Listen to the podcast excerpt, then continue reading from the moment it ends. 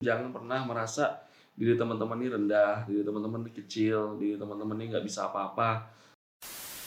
Ya sesuatu yang uh, kita bayangkan ya dalam dunia kerja itu ada sikut-sikutan. Yang pertama, saya berpikir kalau hidup saya begini di lingkungan yang yang seperti ini begitu ya, maka saya uh, dalam hati saya yang paling dalam saya harus berubah. Saya pun akhirnya ketemu sama oh, orang yang dia punya pengalaman percepatan.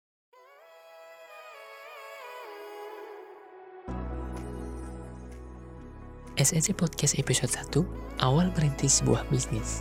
Simak cerita Kang Asad yuk. Bismillahirrahmanirrahim. Assalamualaikum warahmatullahi wabarakatuh. Terima kasih nih kepada teman-teman Salaman Entrepreneur Club SEC yang hari ini hadir datang berkunjung ke Pondok Pesantren Mihra Quran Cilengkrang. Ada Kang Hasan, ada Teh Irma selalu ketua, ada Teh Sofi atau Nuhun sudah merapat di sini ya. Jadi saya ini uh, bukan siapa-siapa teh. Nah teman-teman semua juga harus banyak uh, belajar dari orang-orang yang hari ini sukses, hebat, dikenal. Bahkan kita melihat banyak sahabat-sahabat Rasulullah hari ini nama-namanya disebut, tapi mereka dulunya itu betul-betul merendahkan uh, diri mereka di hadapan Allah, merendahkan hati mereka di hadapan manusia. Nah ini pun proses pada saya. Jadi selaku Eh, senior di Salman Entrepreneur Club, saya juga ingin memberikan uh, masukan, saran, juga arahan kepada junior-junior sehingga menjalani mengarungi kehidupan ini kita tidak terjebak terhadap uh, sesuatu yang fana gitu. Sesuatu yang fana itu artinya hegemoni dunia, terus orang kaya baru. Nah, itu sesuatu yang fana.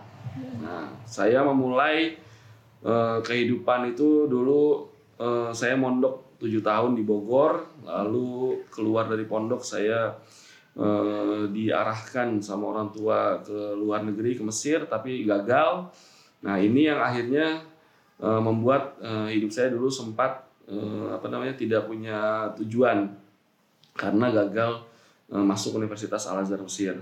Akhirnya saya mengambil jalan untuk eh, tetap masuk kuliah sambil bekerja yaitu saya masuk LP3I Bekasi Nah ini pun yang akhirnya sampai hari ini saya menyadari betul nah Salman Entrepreneur Club ini kan dari Salman ITB. Nah saya ini bukan eh, mahasiswa Salman atau mahasiswa ITB. Nah, artinya teman-teman semua dari eh, faktor apa pun, dari latar belakang apa pun, jangan pernah merasa diri teman-teman ini rendah, diri teman-teman ini kecil, diri teman-teman ini nggak bisa apa-apa. Tapi kita semua bisa bangkit, bisa sukses. Nah hari ini saya membuktikan apa yang eh, bisa saya sharing hari ini. Mudah-mudahan juga bisa bermanfaat sama teman-teman. 2010 sampai 2014 itu saya dulu kerja jadi waiters Hoka Hoka Bento di Jakarta Timur. Sambil saya kuliah D1 D2 nah, sambil saya uh, kerja. Karena memang kondisi ekonomi keluarga yang tidak memungkinkan untuk biayai saya kuliah maka perjalanan waktu saya lulus D3 dari LP3 ini. Nah, dipaksa untuk masuk lagi S1 meneruskan S1 yaitu saya ngambil Sekolah Tinggi Ilmu Administrasi Mandala Indonesia Setiami Jakarta. Nah, itu dalam periode satu tahun. Ternyata perjalanannya waktu saya tidak menyelesaikan uh, sarjana saya. Saya keburu tahu uang, keburu tahu materi. Akhirnya saya dari Hokoka Bento itu melamar ke perusahaan Mahsing Indonesia Jawa BK.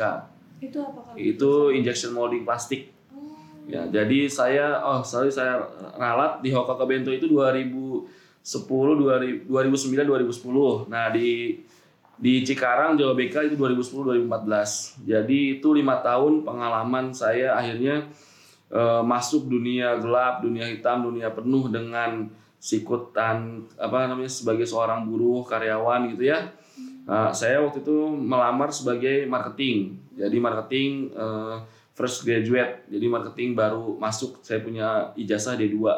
Nah, itu saya masuk sebagai D2 first graduate. Nah, di Cikarang itu termasuk salah satu UMR terbesar di Indonesia waktu itu pada saatnya. Sampai ada demo besar-besaran tutup jalan tol. Nah, itu saya merasakan momen 2010-2014. Karena hampir setiap pekan itu kami demo itu menuntut ke perusahaan-perusahaan untuk menaikkan gaji. Itu hak waktu itu FSPMI buruh.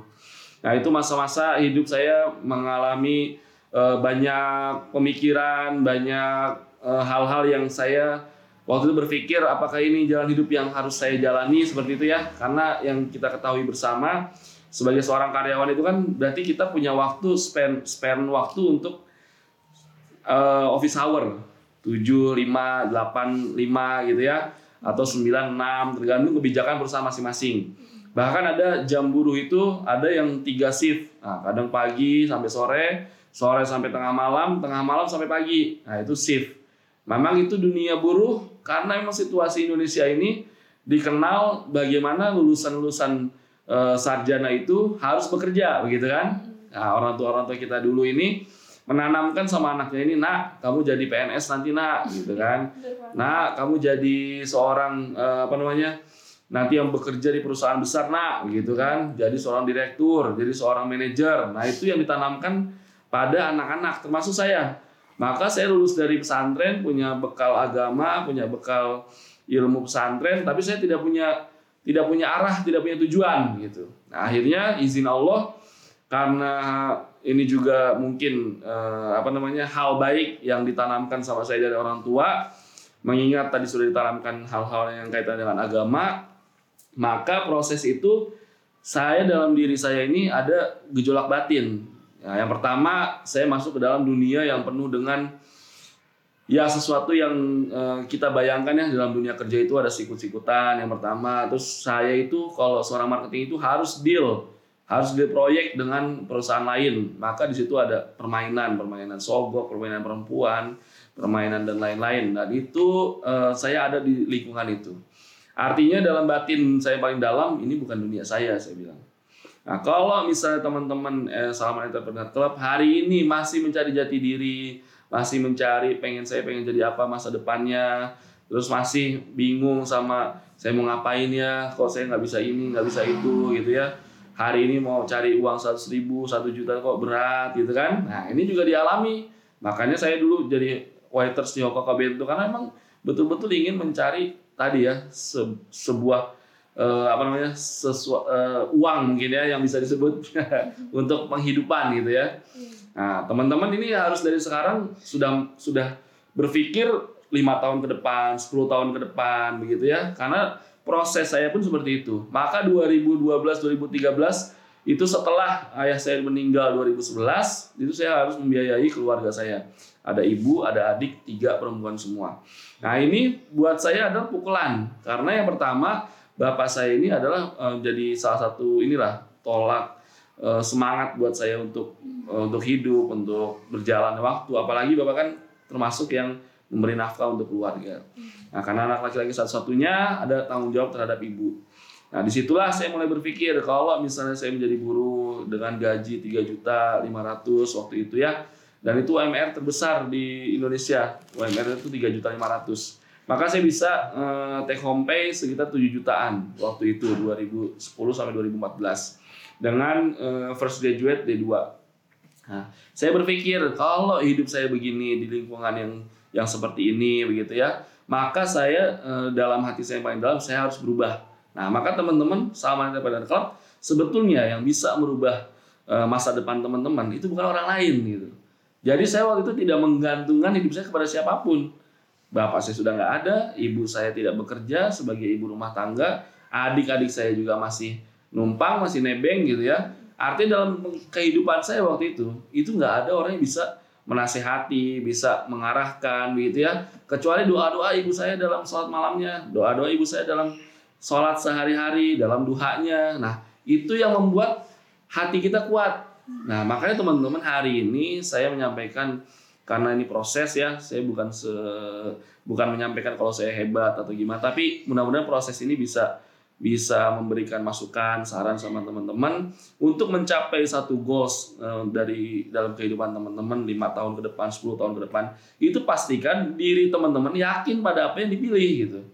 Nah, saya memilih jalan hidup seperti ini karena saya meyakini ini hidup yang nanti bisa membuat saya sukses gitu kan. Kan teman-teman pasti semua punya planning sukses kan. Bahkan setiap akhir tahun itu dia sudah punya planning oh nanti tahun depan saya harus diet gitu kan. Nah. Ternyata dietnya gagal gitu kan. Nah ini kan berarti kan ada sesuatu yang yang tidak tidak tidak sinkron antara yang di uh, planningkan dengan yang direalisasikan nah itu yang akhirnya saya bawa sampai ke alam bawah sadar saya.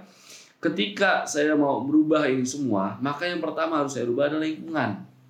Itu yang paling utama karena lingkungan sebelum 2010-2014 saya tidak bilang lingkungan ini jelek, tidak. Karena banyak teman-teman saya hari ini masih bekerja di perusahaan sana dan masih menjadi eh, apa namanya pengurus di komunitas-komunitas selama saya. Tapi bagi saya lingkungan ini tidak mensupport apa pun untuk saya gitu. Main-main, saya gabung sama klub motor, gabung sama klub bola, Manchester United, United Indonesia, fans MU, terus klub motor apa namanya CB nah itu yang membuat saya akhirnya nggak punya nggak punya arah gitu kan. Tiap hari ketemunya sama permainan aja terus. Pulang malam pagi sudah kerja. Pulang malam pagi kerja. Nah itu yang membuat hidup saya nggak nggak punya nggak punya arah gitu. Nah akhirnya poin saya adalah saya harus tinggalkan ini. Maka rumah saya di Bekasi waktu itu 2014 saya pak saya putuskan pokoknya saya harus pindah ke Bandung Nah, keputusan ini pun dengan saya riset. Nah, ini yang akhirnya teman-teman juga harus punya pilihan. Saya ke Bandung ngapain? Jadi jangan ya udah Kang, saya mah ke sini ya karena takdirnya seperti ini nggak ada itu. Jadi nggak bisa kita bicara sesuatu yang kita jalankan itu Kang sudah takdirnya seperti ini nggak ada. Takdir itu memang sudah ada, tapi kita bisa menjalankan, bisa merubah, bisa minta sama Allah. Nah, itu adalah proses. Itu adalah sesuatu yang kita yakini kita datang ke sini tuh karena ada tujuan, ada goals seperti itu teman-teman. Nah maka waktu itu saya sampai detil kalau nanti saya ke Bandung, ke Bandung nih mau ngapain. Sampai saya tuh nyari istri itu ada dua kota yang saya sebut seluruh Indonesia itu, yaitu Malang dan Bandung. Maka kalau saya pengen punya istri itu istri orang Malang atau orang Bandung. Kenapa? Karena yang pertama saya nggak mau lagi jadi uh, karyawan. Karena saya sudah lelah, capek gitu ya. Saya mohon maaf tidak merendahkan uh, tidak merendahkan atau mengesampingkan jadi karyawan, tapi buat saya waktu itu saya memilih untuk tidak menjadi tidak ingin menjadi karyawan lagi. Karena office hour terus uang saya pun terkumpul juga segitu-gitu aja gitu ya. Saya waktu itu uh, melihat wah ini uh, menjadi seorang pebisnis enak sepertinya gitu. Maka saya banyak belajar tentang bisnis. Dan 9 dari 10 pintu rezeki kan dari dagang begitu ya. Nah itu yang membuat motivasi saya tinggi. Akhirnya saya pilih kota di Indonesia ini yang paling banyak menciptakan wirausaha itu adalah salah salah duanya dari dari dari banyak kota itu adalah Bandung dan Malang. Dan saya langsung datangi Malang, langsung datangi Bandung. Saya tinggal lama di sana seminggu, pengen cobain hidup di sana.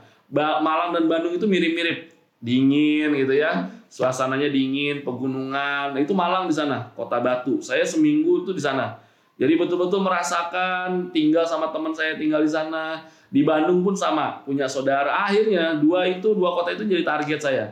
Maka 2014 saya putuskan, saya harus dapat calon istri saya orang Malang atau orang Bandung.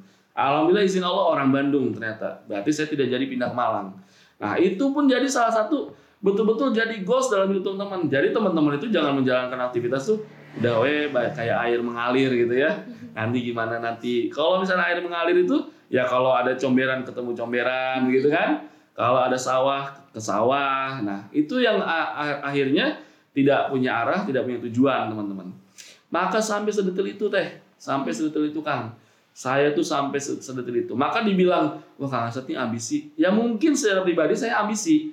Tapi saya tidak tidak sampai menghalalkan segala cara begitu. Kan saya punya target, punya goals. Maka Allah kan sesuai prasangka hambanya begitu kan. Kalau prasangka saya, oh saya punya akan harus bertapa harus punya istri orang sini.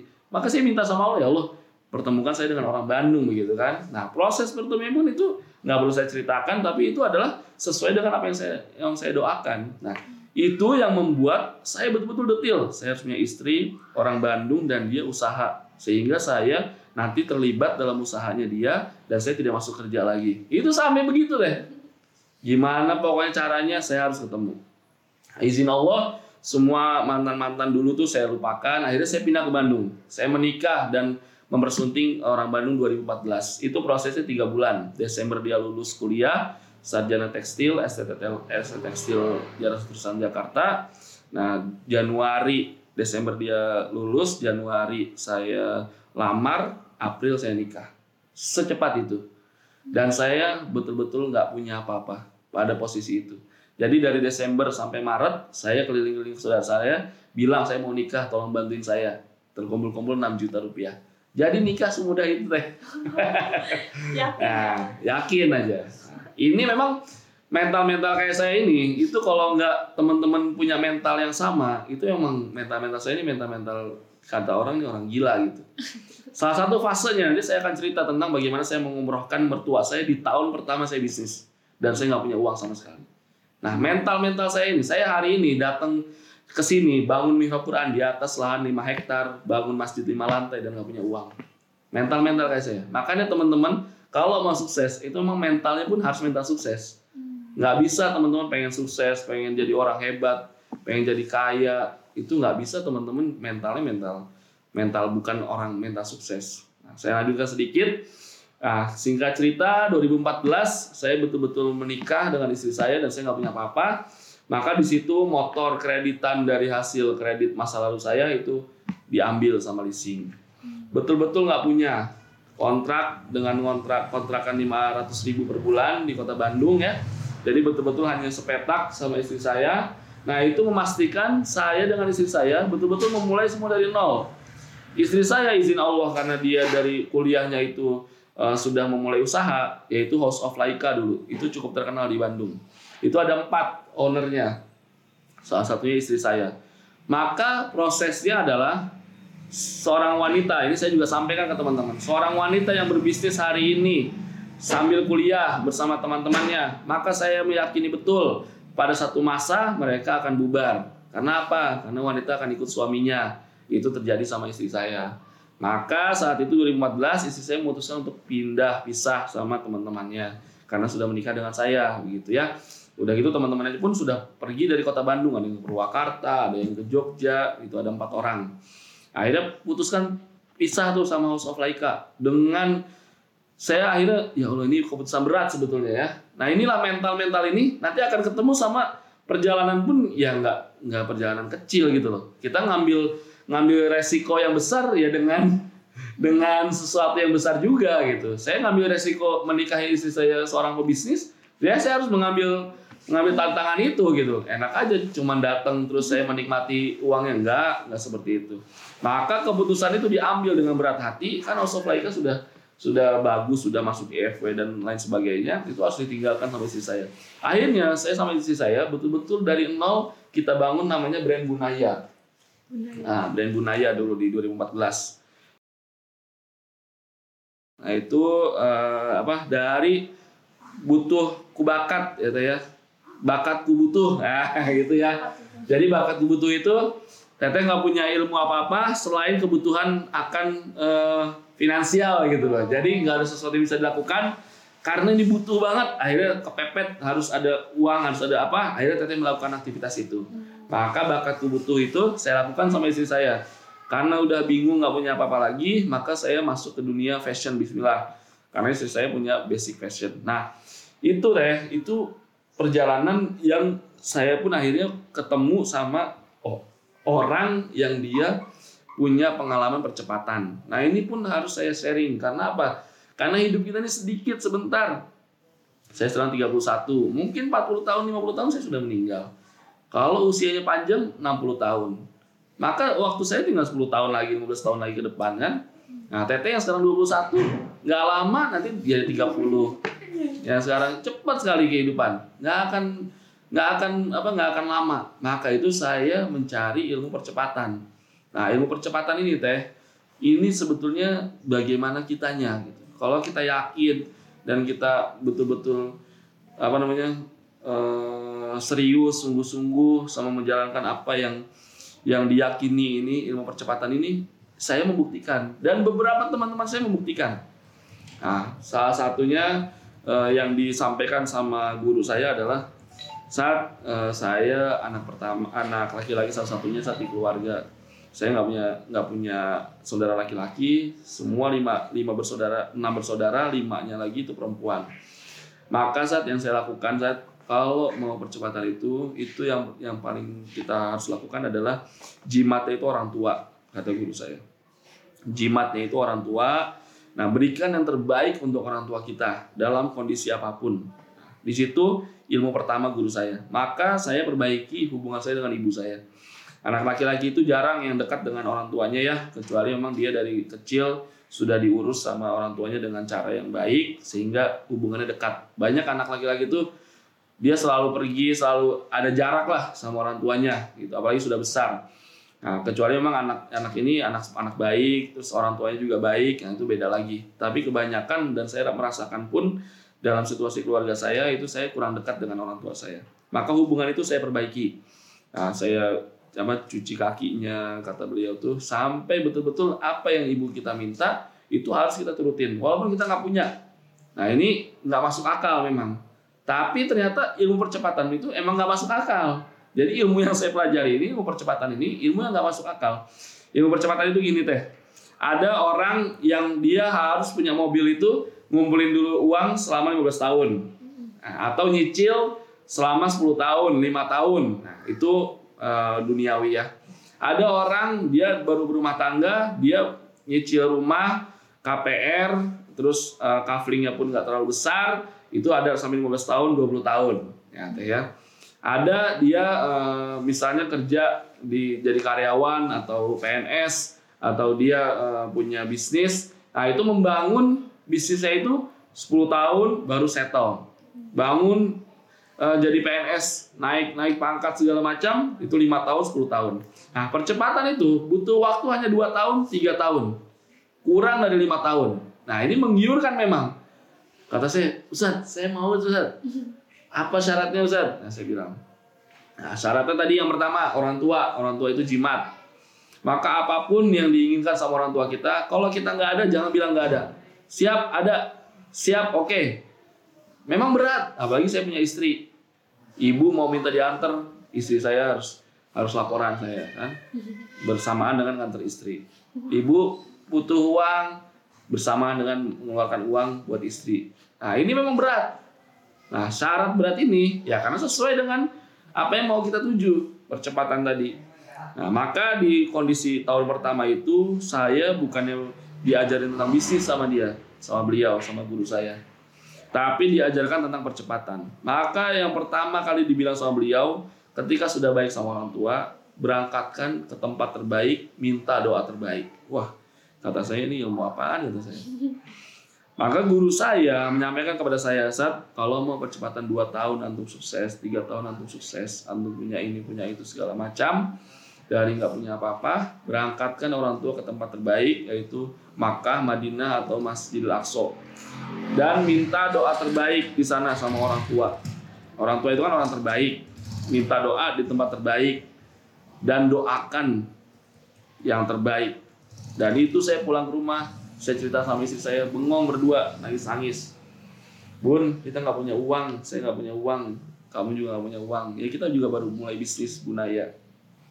Tapi guru saya bilang seperti ini bun, apa maksudnya bun ya? Gitu. Akhirnya saya karena itu tadi ya mental saya dari dulu udah pokoknya mental nekat gitu ya mental nekat ingin sukses dengan cara yang halal tapi uh, pengen cepat gitu ya nggak mau nanti usia saya 40 saya belum jadi apa-apa nah itu mental saya akhirnya sampai betul-betul saya realisasikan istri saya nggak nggak punya jawaban saya akhirnya merealisasikan saya cari teman saya yang usaha travel nah ini juga nggak boleh mentah-mentah teman-teman telan terus langsung langsung lakukan tanpa mental yang kuat gitu.